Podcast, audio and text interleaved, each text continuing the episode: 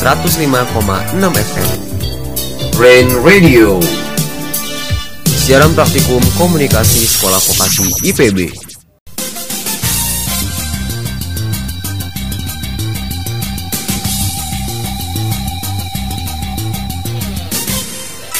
Bincang-bincang terkini on Rain Radio.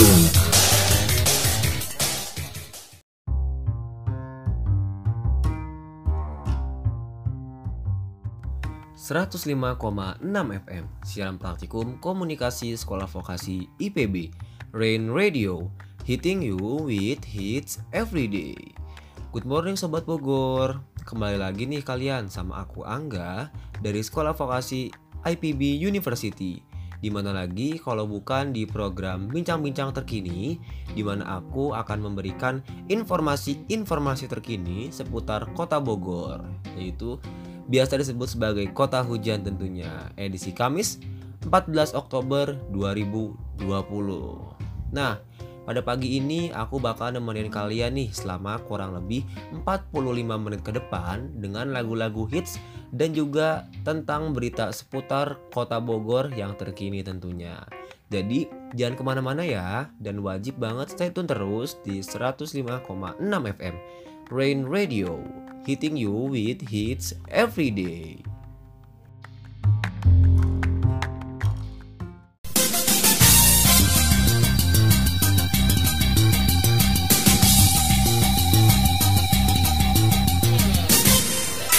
Bincang-bincang terkini on Rain Radio.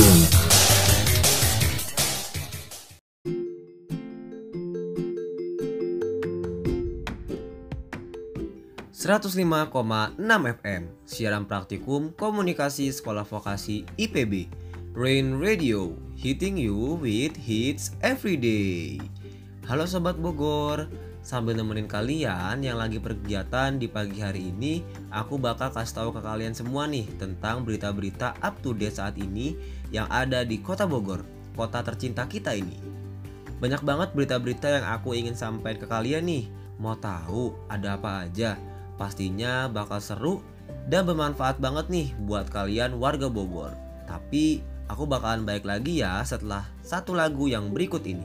Jangan ke mana-mana ya Sobat Bogor, tetap di 105,6 FM, siaran praktikum Sekolah Vokasi IPB, Rain Radio, hitting you with hits every day.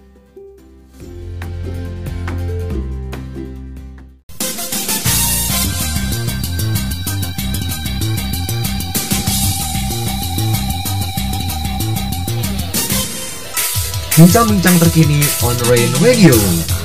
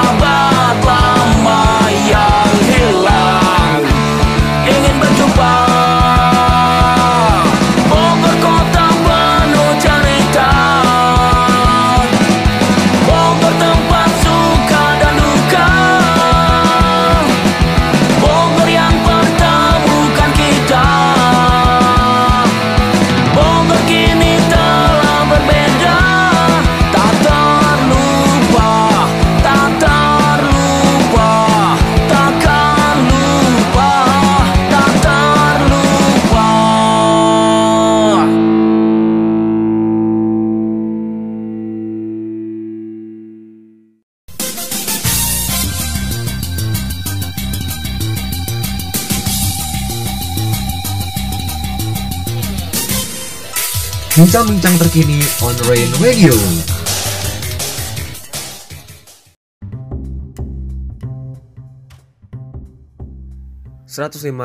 enam FM Siaran praktikum komunikasi sekolah vokasi IPB Rain Radio Hitting you with hits every day.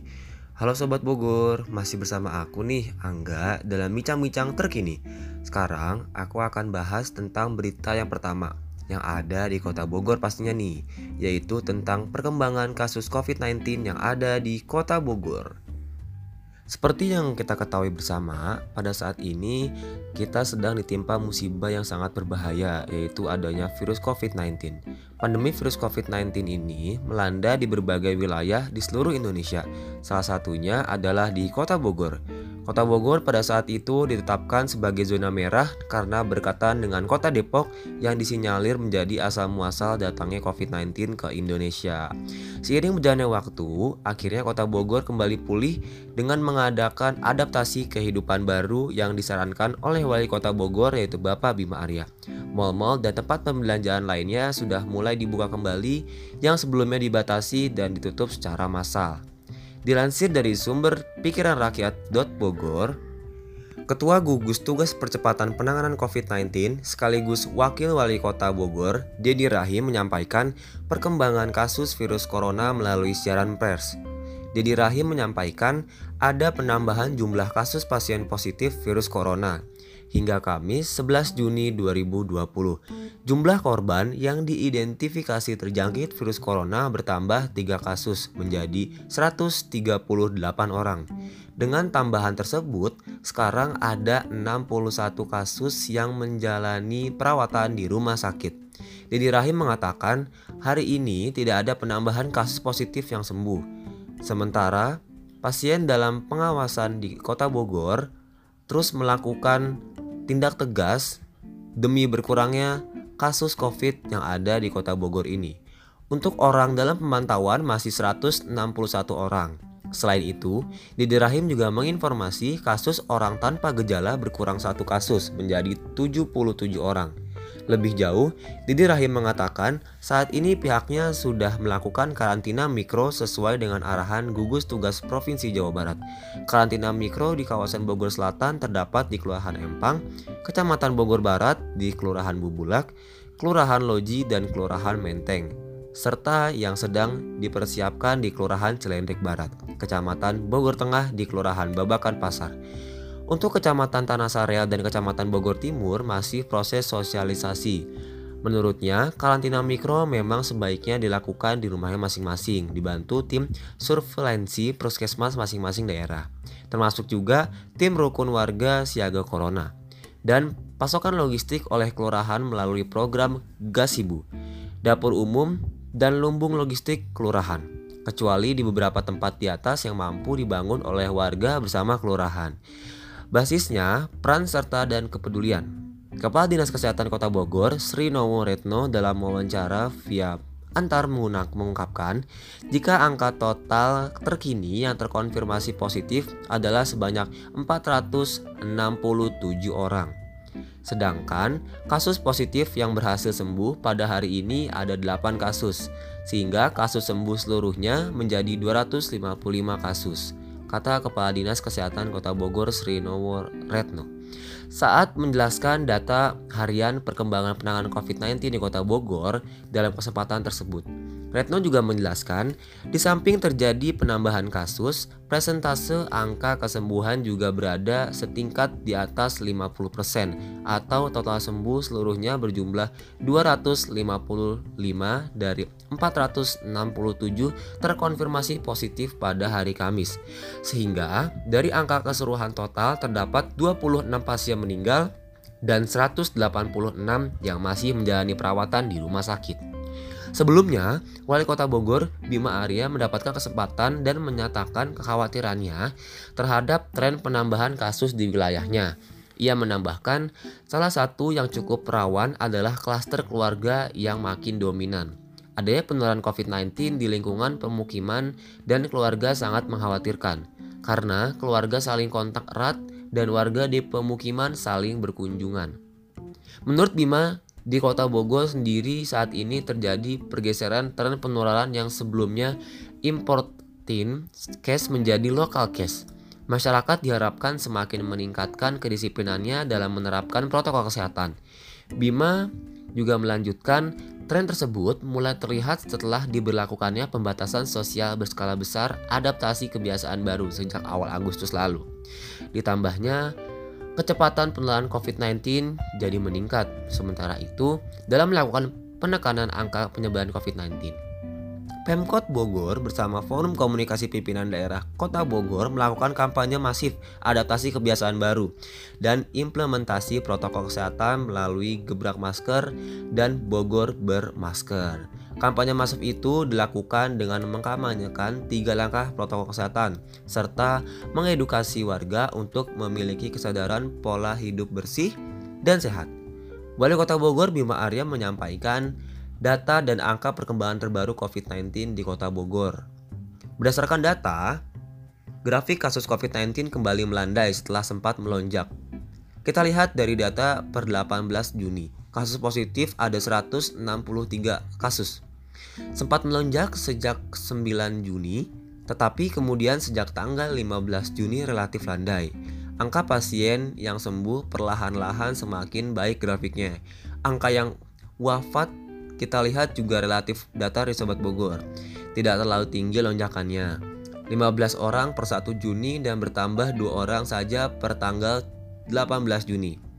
Bima menyampaikan apabila dilihat berdasarkan usia, ada kelompok yang sangat rentan terkena COVID-19, yaitu usia 50 sampai 59 tahun ada banyak 40 ada banyak 40 kasus yang berikutnya adalah usia 40 sampai 49 tahun sebanyak 37 kasus. Jadi, usia yang rentan terkena COVID-19 dari 40 sampai 60 tahun. Kemudian, kalau kita lihat berdasarkan jenis kelamin dari pasien yang meninggal, laki-laki ada 13 kasus dan 4 kasus perempuan. Jadi, dari lonjakan itu 50 3,84% atau 28 kasus. Setelah kita dalami itu sumber penurunannya dari fasilitas kesehatan seperti rumah sakit, laboratorium, dan apotik. Setelah kita telusuri, tim Dinas Kesehatan bersama tim provinsi menemukan banyak fakta tidak ditaatinya protokol kesehatan di tempat-tempat tersebut. Misalnya, jalur pasien yang belum dipisah, pengolahan limbah medis, pemisahan toilet, dan sebagainya. Jadi cukup banyak fakta temuan yang mengindikasikan protokol kesehatan yang tidak maksimal dan diterapkan di Sobat Bogor. Lalu di posisi kedua, terdapat lonjakan kasus pada kelompok lokasi penularan dari luar kota Bogor seperti warga Bogor yang bekerja di Jakarta dan sekitarnya maupun dari luar negeri. Ada 10 kasus atau 19,23 persen. Di posisi ketiga, kelompok lokasi penularan adalah kantor pemerintahan sebanyak 7 kasus atau 13,46 persen. Begitu juga dengan penularan di pertokoan dan pusat perbelanjaan, yakni sama yakni sama 7 kasus. Langkah pemerintah adalah memperketat protokol kesehatan di semua tempat tersebut. Kemudian pemerintah Kota Bogor melakukan tiga langkah strategis untuk mengantisipasi agar tidak terjadi lonjakan lagi. Sementara itu, Satuan Tugas Penanganan COVID-19 dalam situsnya merilis perkembangan terkini peta resiko penyebaran COVID-19. Dalam situsnya itu, Kota Bogor, Jawa Barat dinyatakan masuk zona merah atau resiko tinggi. Perubahan status zona Kota Bogor yang sebelumnya berada dalam zona oranye atau resiko sedang itu dihitung berdasarkan indikator-indikator kesehatan masyarakat dengan menggunakan scoring dan pembobotan. X Learn More Indication indikator yang digunakan dalam menentukan zonasi risiko daerah adalah etimologi, surveillance kesehatan masyarakat, pelayanan kesehatan, dan sumber data kasus positif ODP dan PDP. Wali Kota Bogor Bima Arya Sugiarto mengatakan pemerintah daerah akan mempelajari semua data indikator terhadap perubahan zona merah tersebut. Dari provinsi belum ada perubahan, masih oranye. Tapi memang seperti yang selalu saya sampaikan seminggu ini, tren naik tajam dan bisa saja masuk zona merah. Bima mengakui bahwa tren peningkatan kasus positif di wilayahnya dalam beberapa pekan ke belakang terus meningkat. Ia menyebut transmisi lokal saat ini sudah terjadi. Klaster utama penyebaran COVID-19 di kota Bogor berasal dari rumah atau keluarga. Angka kasus positif 19 di kota Bogor, Jawa Barat terus meningkat di masa pra-adaptasi kebiasaan baru. Data harian gugus COVID-19 Kota Bogor mencatat terjadi penambahan 11 kasus baru positif, sebanyak 5 dari 11 kasus penambahan yang terjadi hari ini berasal dari klaster rumah tangga atau keluarga. Tingkat kesembuhan juga mengalami penambahan. Tercatat ada dua kasus sembuh yang terjadi hari ini, sehingga total pasien sembuh menjadi 318 orang. Kekhawatiran akan tertular COVID-19 mungkin menyelimuti para pekerja yang hingga kini masih harus beraktivitas di luar rumah ya Sobat Bogor. Tapi jangan khawatir nih, agar tetap aman berada di luar atau di kantor, terapkanlah langkah mencegah COVID-19 yang benar dan efektif. Untuk menghentikan penyebaran virus corona, pemerintah menyerukan agar masyarakat menerapkan physical distancing dan melakukan aktivitas dari rumah saja, termasuk bekerja. Namun tidak sedikit orang yang masih harus bekerja di luar rumah Sobat Bogor, baik karena tuntutan profesi atau kebutuhan ekonomi keluarga. Nah Sobat Bogor, sebelum lanjut ke tema berikutnya, aku sekarang mau ngasih tahu kalian tentang cara mencegah COVID-19 bagi orang-orang bekerja di luar rumah nih. Kementerian Kesehatan Indonesia mengimbau para pekerja yang masih harus beraktivitas di luar rumah untuk selalu waspada dan menerapkan langkah-langkah pencegahan COVID-19. Hal-hal yang perlu kamu lakukan saat bekerja di luar rumah agar tidak terinfeksi virus corona. Yang pertama, selalu kenakan masker. Selalu kenakan masker saat bekerja, dan berada di tempat umum, termasuk dalam perjalanan menuju tempat bekerja atau pulang ke rumah. Dan selama berada di tempat kerja, kamu cukup menggunakan masker kain untuk aktivitas sehari-hari di luar rumah. Pilihlah masker yang ukuran pas dengan wajahmu, serta dapat menutupi mulut, hidung, dan dagu dengan sempurna. Jangan lupa juga untuk menggunakan pelembab dan tabir surya agar kulitmu tidak teriritasi dan meradang akibat terlalu lama mengenakan masker. Ini penting Sobat Bogor untuk mencegah timbulnya jerawat akibat masker atau yang sekarang sering disebut dengan Max Kain. Setelah pulang dan setelah itu, setelah pulang dan mandi, jangan lupa pula untuk membersihkan wajahmu secara menyeluruh. Lalu, yang kedua adalah hindari menyentuh benda-benda di tempat umum. Sebisa mungkin hindari menyentuh benda-benda yang banyak disentuh orang lain, misalkan tombol lift, gagang pintu, atau mesin fingerprint. Untuk menyiasatinya, kamu bisa menggunakan siku atau pulpen saat menekan tombol lift. Kamu juga bisa membuka pintu menggunakan siku atau bahu, bukan dengan tangan. Selain itu, rajin-rajinlah membersihkan meja kerja dan peralatan kantor yang sering kamu pakai, seperti keyboard, mouse, dan handphone. Menggunakan cairan desinfektan. Lalu yang ketiga adalah jaga kebersihan diri sendiri dengan baik. Bawa selalu hand sanitizer yang mengandung setidaknya 60% alkohol sehingga dapat kamu gunakan untuk membersihkan tangan dalam perjalanan bila tidak ada sarana cuci tangan. Sesampainya di kantor, cuci tangan dengan air mengalir dan sabun. Selama bekerja pun, cucilah tangan atau gunakan hand sanitizer sesering mungkin, setidaknya setiap 4 jam. Jangan lupa juga untuk mencuci tangan setelah menyentuh peralatan kantor yang sering digunakan secara bersama-sama, misalnya mesin fotokopi, Selanjutnya, yang keempat adalah jaga jarak dengan rekan kerja. Pastikan kamu menerapkan physical distancing, yaitu menjaga jarak dengan orang lain sejauh 1-2 meter, baik dalam perjalanan maupun di tempat kerja. Hal ini perlu dilakukan untuk mencegahmu menghirup percikan ludah orang lain saat mereka berbicara, batuk, atau bersin. Dan yang terakhir atau yang kelima adalah gunakan kendaraan pribadi bila memungkinkan. Di masa pandemi Covid ini, Sebisa mungkin gunakan kendaraan pribadi dan hindari berpergian dengan komuter lain, busway, atau transportasi umum lainnya yang padat penumpang. Berada di tengah kerumunan orang banyak bisa meningkatkan resiko tertular virus corona yang lebih besar. Bila kamu harus naik kendaraan umum, lindungi diri dengan mengenakan masker kain dan tetap menjaga jarak dengan orang lain. Gunakan hand sanitizer untuk membersihkan tangan setelah menyentuh benda-benda di angkutan umum dan jangan menyentuh wajah sebelum tangan Anda dibersihkan. Sesampainya di rumah, segera lepaskan pakaian yang kamu kenakan dan taruh di tempat baju kotor. Setelah itu, langsung mandi dan kenakan pakaian yang bersih. pastikan kamu tidak bersentuhan dengan orang-orang yang ada di rumah sebelum kamu mandi dan mengganti pakaian. Cuci pakaian dan masker kain menggunakan deterjen. Jika dirasa perlu, kamu juga bisa membersihkan tas atau sepatu atau handphone dengan desinfektan. Hal penting yang juga tidak boleh kamu lupakan adalah menjaga daya tahan tubuh tetap prima dengan mengonsumsi makanan bergizi, tidur yang cukup, rutin berolahraga, serta menghindari stres meski masih harus bekerja di luar rumah selama pandemi COVID-19 ini.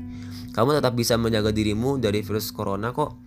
Terapkan langkah-langkah di atas agar kamu tidak tertular atau menularkan virus ini ke orang lain ya Sobat Bogor. Dengan begitu, penyebaran COVID-19 dapat dihentikan. Dan jika kamu sedang merasa kurang sehat, sebaiknya jangan dulu pergi ke kantor atau bekerja di luar rumah ya Sobat Bogor.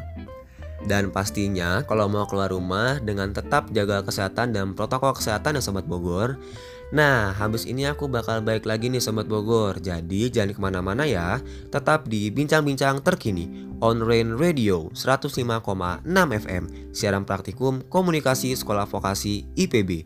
Rain Radio, hitting you with hits every day.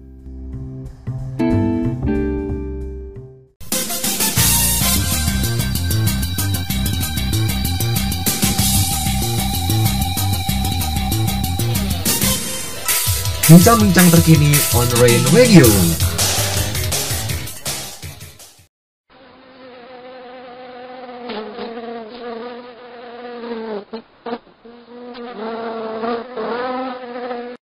Papa, kamar kakak banyak lalatnya. Aduh.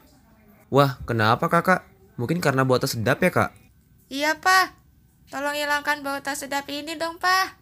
Tenang kakak, papa punya solusinya nih.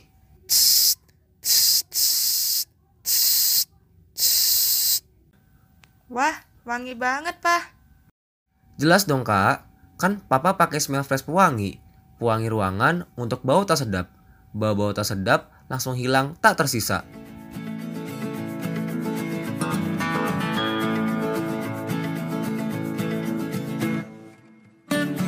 Ya, gunakan smell fresh pewangi.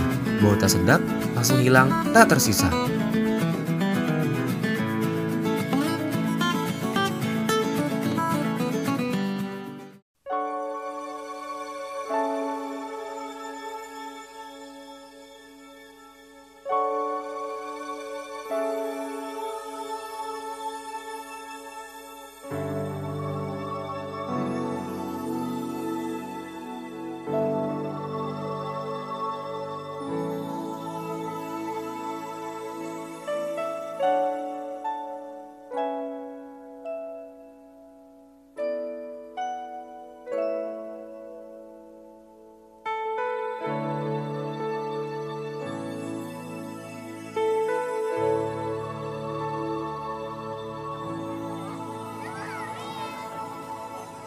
Think about um, the generations and to say we want to make it a better place for our children and our children's children so that they they they they know it's a better world for them and think if they can make it a better place.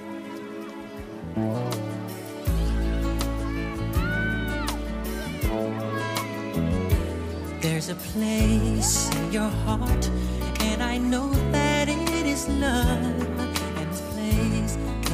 brighter than tomorrow.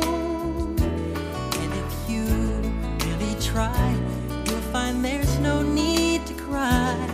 In this place, you feel there's no hurt or sorrow. There are ways to get there if you care enough for the living. Make a little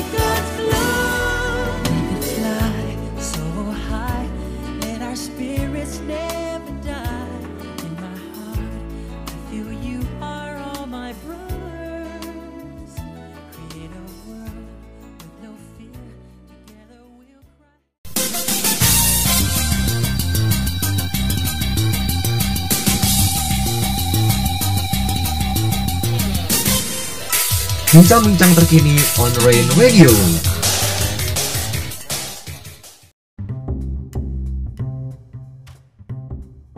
.6 FM Siaran Praktikum Komunikasi Sekolah Vokasi IPB Rain Radio Hitting you with hits every day Baik lagi nih bersama aku Angga di program Bincang-Bincang Terkini Nah berita berikutnya kita akan bahas tentang aksi demo penolakan Undang-Undang Cipta Kerja di Bogor Dilansir dari detik.com nih teman-teman, kericuhan atas unjuk rasa penolakan Undang-Undang Omnibus Law Cipta Kerja makin memuncak.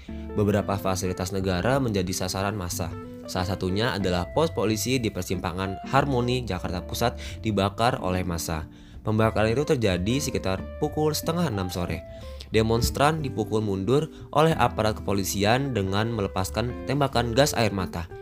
Polisi terus mel- melakukan penjagaan ketat di sekitar kawasan Harmoni sebab tidak jauh dari persimpangan merupakan kawasan kompleks Istana Negara.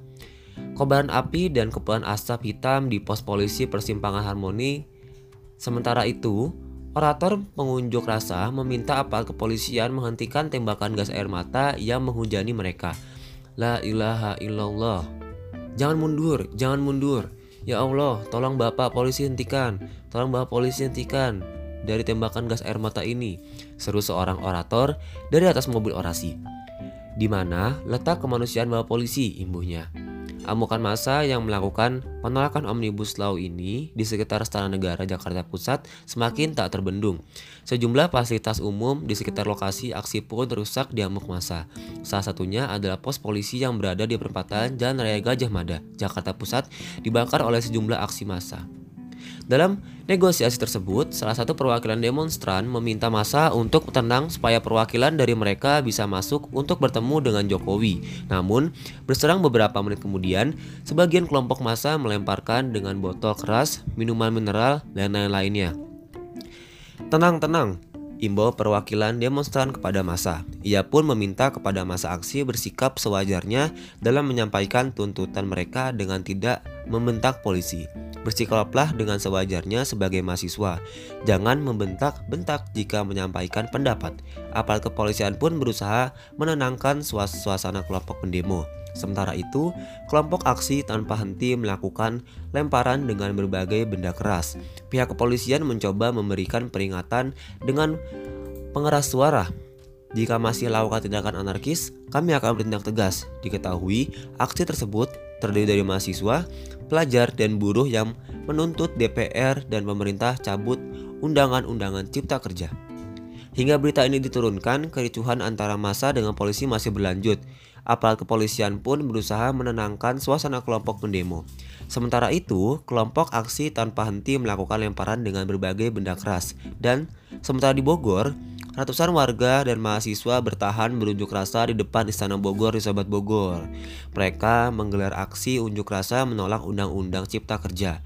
Bahkan aksi ini pun mulai memanas.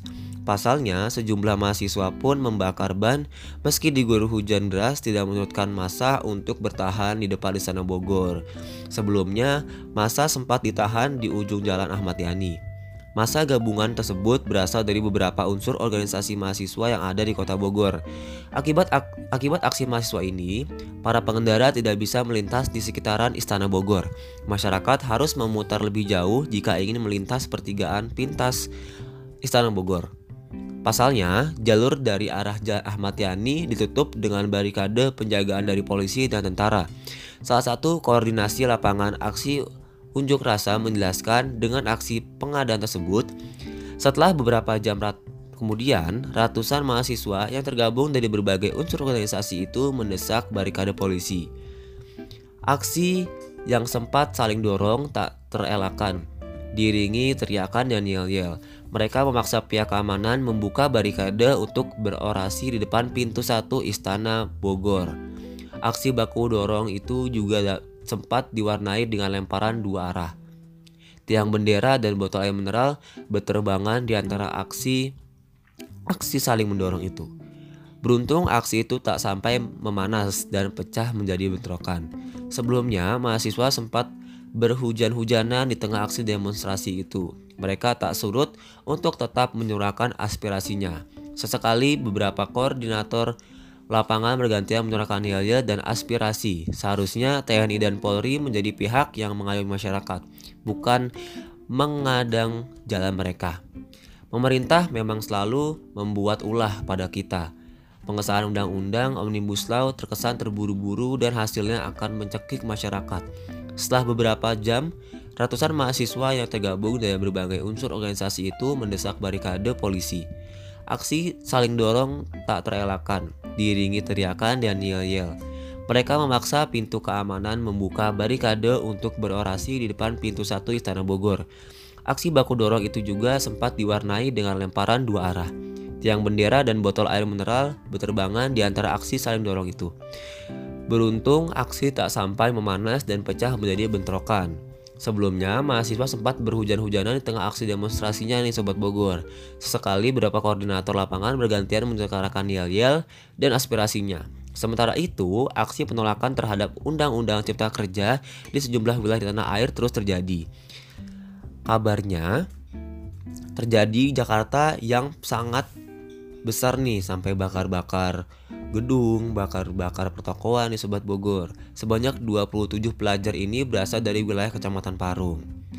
Nah, ada lagi berita tentang demo di mana terjadi di Gunung Sindur. Petugas pengamanan sekelompok pelajar SMA yang diduga ingin mengikuti aksi unjuk rasa buruh menolak Undang-Undang Cipta Kerja di Jakarta. Sebanyak 27 pelajar ini berasal dari wilayah Kecamatan Parung, Ranca Bungur, dan Ciseeng. Mereka diamankan sekira, sekira pukul setengah puluh pagi di Jalan Raya Simpang, Perumpung, Gunung Sindur. Kapolsek Gunung Sindur menyampaikan Para pelajar ini diamankan saat petugas gabungan gugus tugas COVID-19 Gunung Sindur melaksanakan operasi justisi. Sekelompok pelajar SMA dan SMK yang berasal dari wilayah Kecamatan Parung, Ranca Bungur, dan Ciseeng yang menumpang truk dari arah Ciseeng Parung, Bogor, Kapolsek menjelaskan lebih lanjut, kelompok pelajar ini diketahui hendak mengikuti aksi demo buruh di Jakarta. Para pelajar ini diamankan di Polsek Gunung Sindur dan ditindaklanjuti. Para pelajar ini diamankan guna dilakukan pembinaan, pengarahan, dan pendataan serta dibuatkan surat pernyataan untuk tidak mengulangi perbuatannya tersebut. Surat pernyataan diketahui oleh orang tua dan pihak sekolah. Lalu para pelajar diperbolehkan pulang ke rumah masing-masing dengan dijemput atau diserahkan kepada orang tua masing-masing dan diketahui pihak sekolah. Aksi demo menolak Undang-Undang Omnibus Law Cipta Kerja pecah di beberapa daerah di Sobat Bogor. Bahkan situasi di ibu kota Jakarta dan sejumlah daerah lainnya pun memanas. Salah satunya di kota kita tercinta ini yaitu di kota Bogor. Salah satu aksi demo yang berujung kericuhan terjadi di kawasan Harmoni, Jakarta Pusat yang tidak jauh dari Istana Negara. Nah, Sobat Bogor, itu berita atau informasi kedua yang dapat Angga sampaikan. Setelah ini aku bakal lanjut lagi nih dengan informasi terakhir. Jadi jangan ke mana-mana ya. Aku akan balik lagi setelah iklan berikut ini. Tetap di Bincang-Bincang Terkini On Rain Radio 105,6 FM Siaran praktikum komunikasi sekolah vokasi IPB Rain Radio. Hitting you with hits every day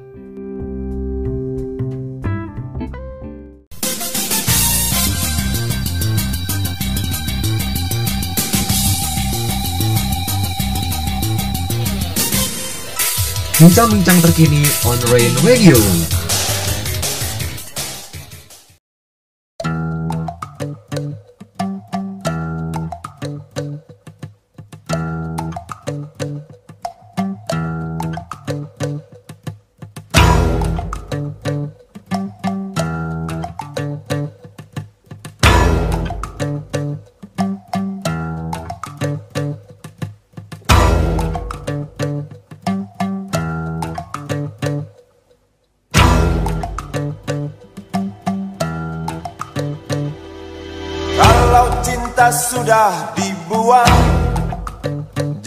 Jangan harap keadilan akan datang. Kesedihan hanya tontonan. Bagi mereka yang diperkuda jabatan. Oh, oh ya, oh ya, oh ya bongkar. Oh, oh ya, oh ya, oh ya bongkar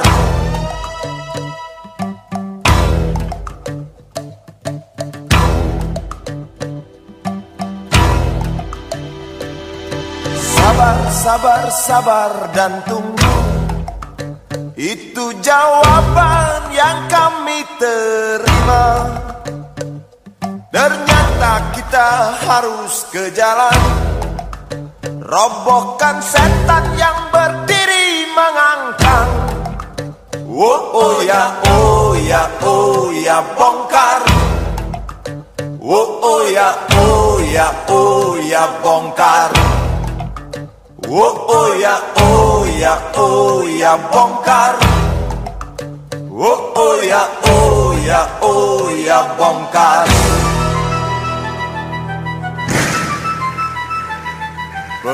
Penindasan serta kesewenang-wenangan. Banyak lagi Teramat banyak untuk disebutkan. Woi hentikan. Hentikan jangan diteruskan. Kami muak Dengan ketidakpastian Dan keserakahan. Di jalanan Kami sandarkan cita-cita. Sebab di rumah Tak ada lagi yang bisa dipercaya. Orang tua Pandanglah kami sebagai manusia. Kami bertanya Tolong kau jawab dengan cinta. Oh, oh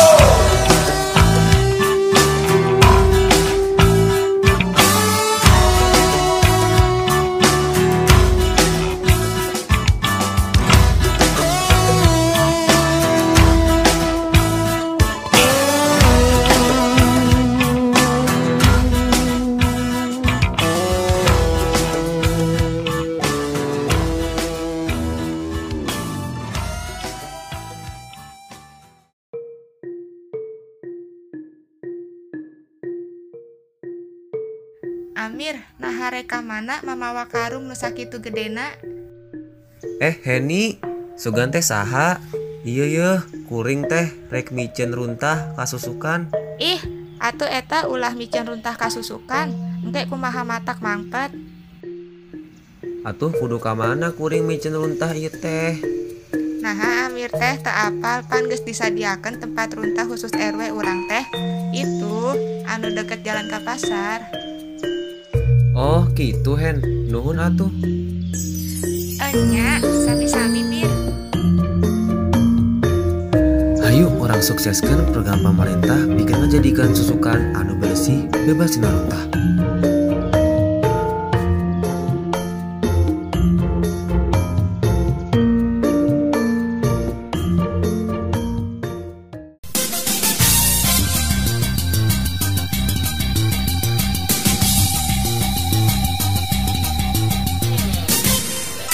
Bincang-bincang terkini on Rain Radio.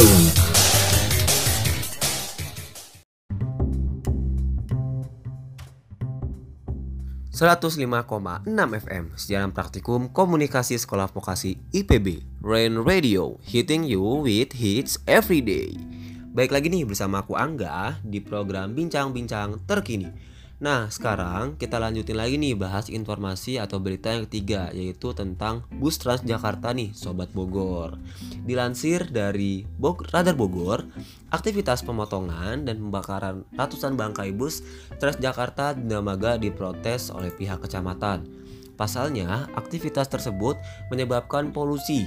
Hal itu diketahui setelah wakil camat Dramaga saat melakukan sidak pada hari itu dilakukan sidak sekaligus protes terkait proses pembakaran hasil pemotongan bangkai bus karena menyebabkan polusi ke wilayah Dramaga.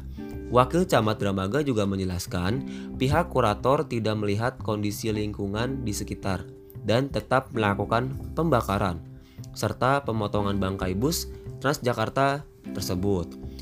Jelas, sisa pembakaran dari pemotongan bangkai bus menyebabkan polusi udara dan mengganggu pernapasan warga Dramaga dan Marga Jaya Kota Bogor.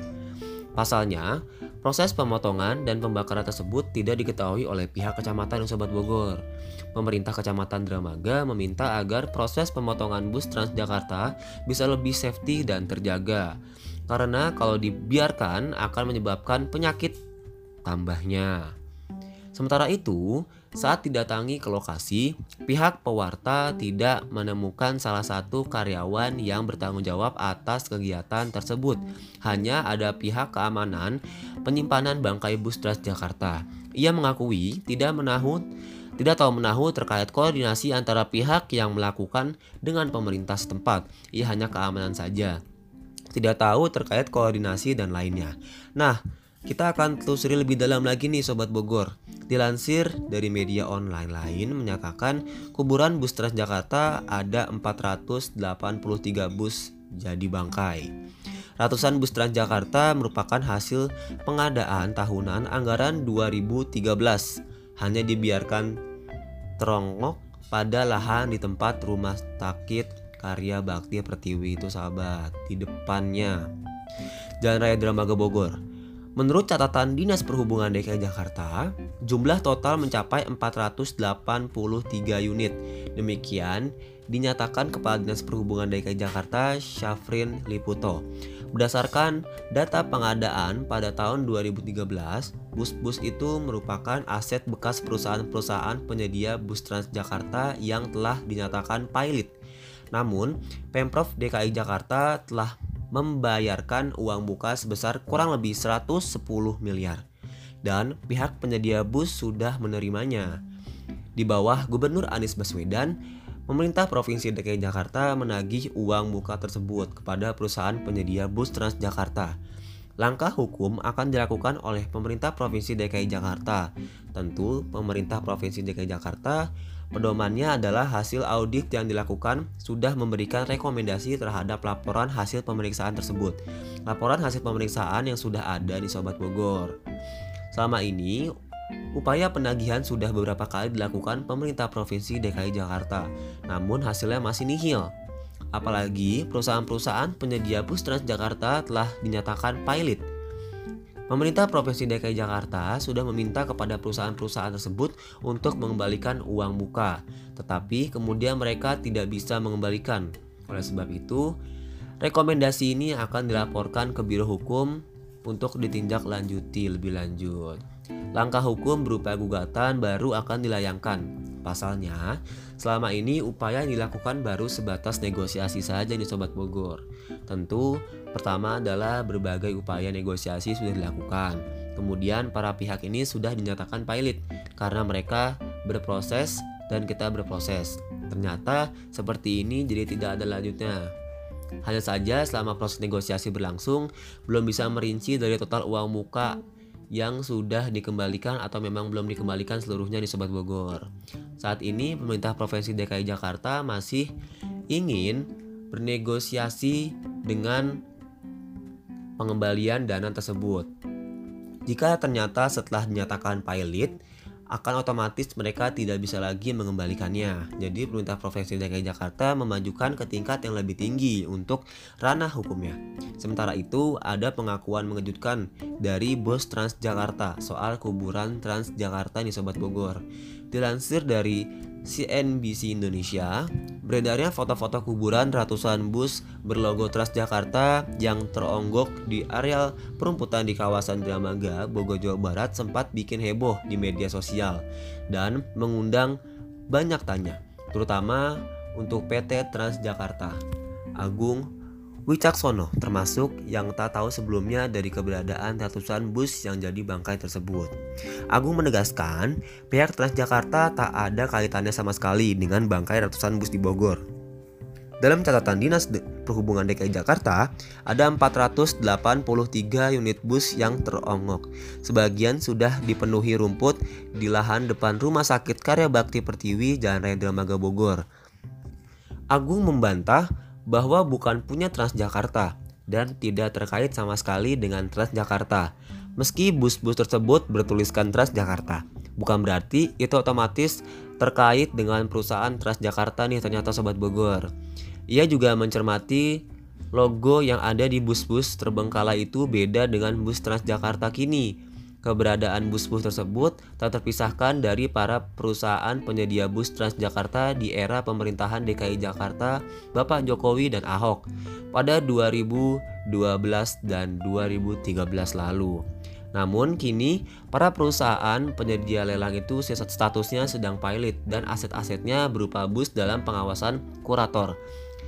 Tender bus Transjakarta bernilai setengah triliun rupiah memang lebih berakhir Sengkerawut. Kepala Dinas Perhubungan DKI Jakarta saat itu harus dipenjara dan tendernya diwarnai persengkongkolan antara perusahaan penyedia bus bahkan kini uang pemerintah daerah DKI Jakarta sebesar 106 miliar untuk uang muka pengadaan masih belum kembali Sobat Bogor. Masih di tangan perusahaan pemasok bus yang kini banyak yang pilot. Seusai rekomendasi BPK, uang tersebut harus dikembalikan ke DKI Jakarta. Pasalnya, perjanjian pengadaan dengan pihak penyedia bus telah dinyatakan batal demi hukum. Selain itu, ternyata bangkai bus Transjakarta yang kini jadi target pencurian nih Sobat Bogor. Bus-bus Transjakarta yang teronggok begitu saja di sebuah lahan kosong di Jalan Raya Dramaga, Bogor, Jawa Barat. Jumlahnya bukan belasan atau puluhan, tapi 300 lebih Tak cuma terbengkalai, bus-bus itu juga menjadi target pencurian warga. Sejumlah suku cadang bus raib diambil maling. Ratusan armada yang didominasi warna oranye dan merah ini berjejer agar rapi dengan badannya yang terselimuti ilalang. Seluruh bus di bagian depan tertempel stiker berwarna dasar hijau. Pada stiker itu tertulis Bundel Pilot PT Putra Adi Karya Jaya sesuai Keputusan Perkara Nomor 21 PDT SUS Pilot 2018 PN Niaga Jakarta Pusat tertanggal 20 September 2018 dalam pengawasan kurator dan pengadilan niaga pada Pengadilan Negeri Jakarta Pusat. Bis-bis ini jelas tak terpakai. Kondisinya mengenaskan. Sudut-sudut bus banyak yang berkarat usang, dan rusak. Kaca di beberapa bagian banyak yang sudah pecah. Pun demikian dengan bodi bus, tak sedikit komponennya yang sudah tak ada. Abdul biasa disapa merupakan pemilik warung di sekitar lokasi yang juga diminta untuk menjaga lahan kuburan ratusan bus Transjakarta ini.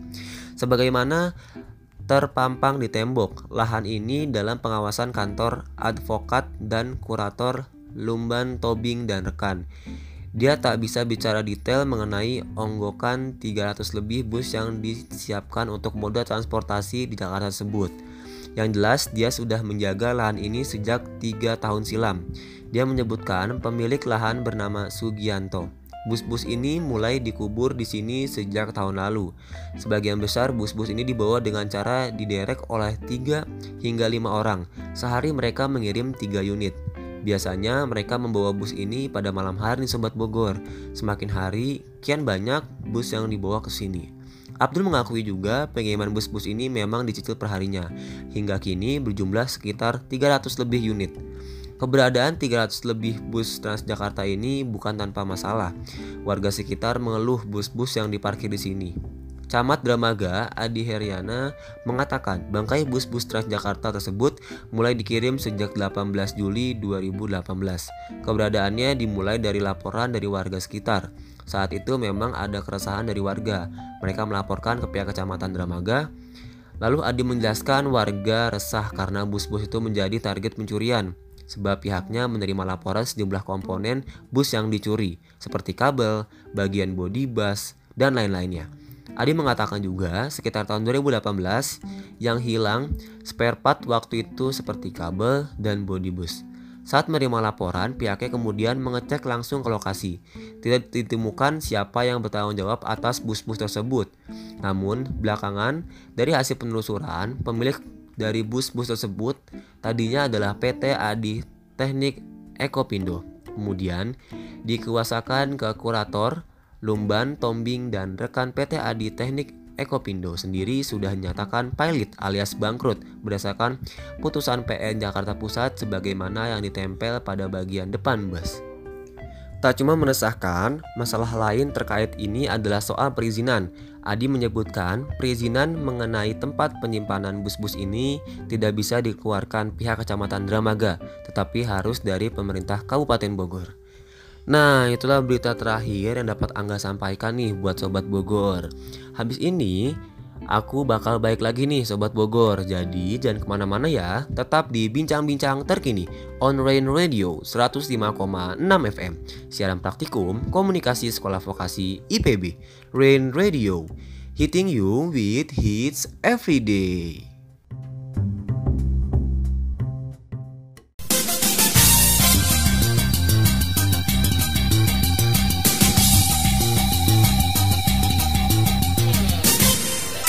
Bincang-bincang terkini on Rain Radio.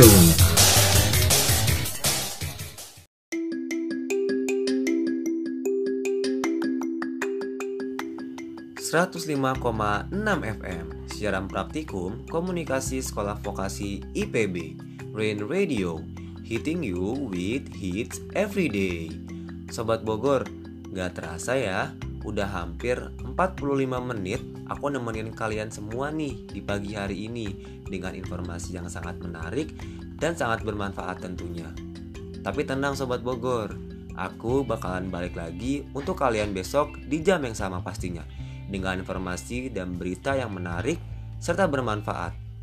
Saya Angga undur diri, sampai bertemu di esok hari, dan stay tune terus ya. Stay safe kalian. Rain Radio, siaran praktikum komunikasi sekolah vokasi IPB. Bye bye Sobat Bogor.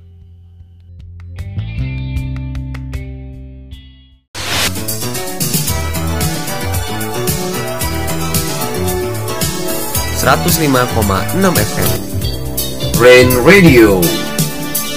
Siaran praktikum komunikasi sekolah vokasi IPB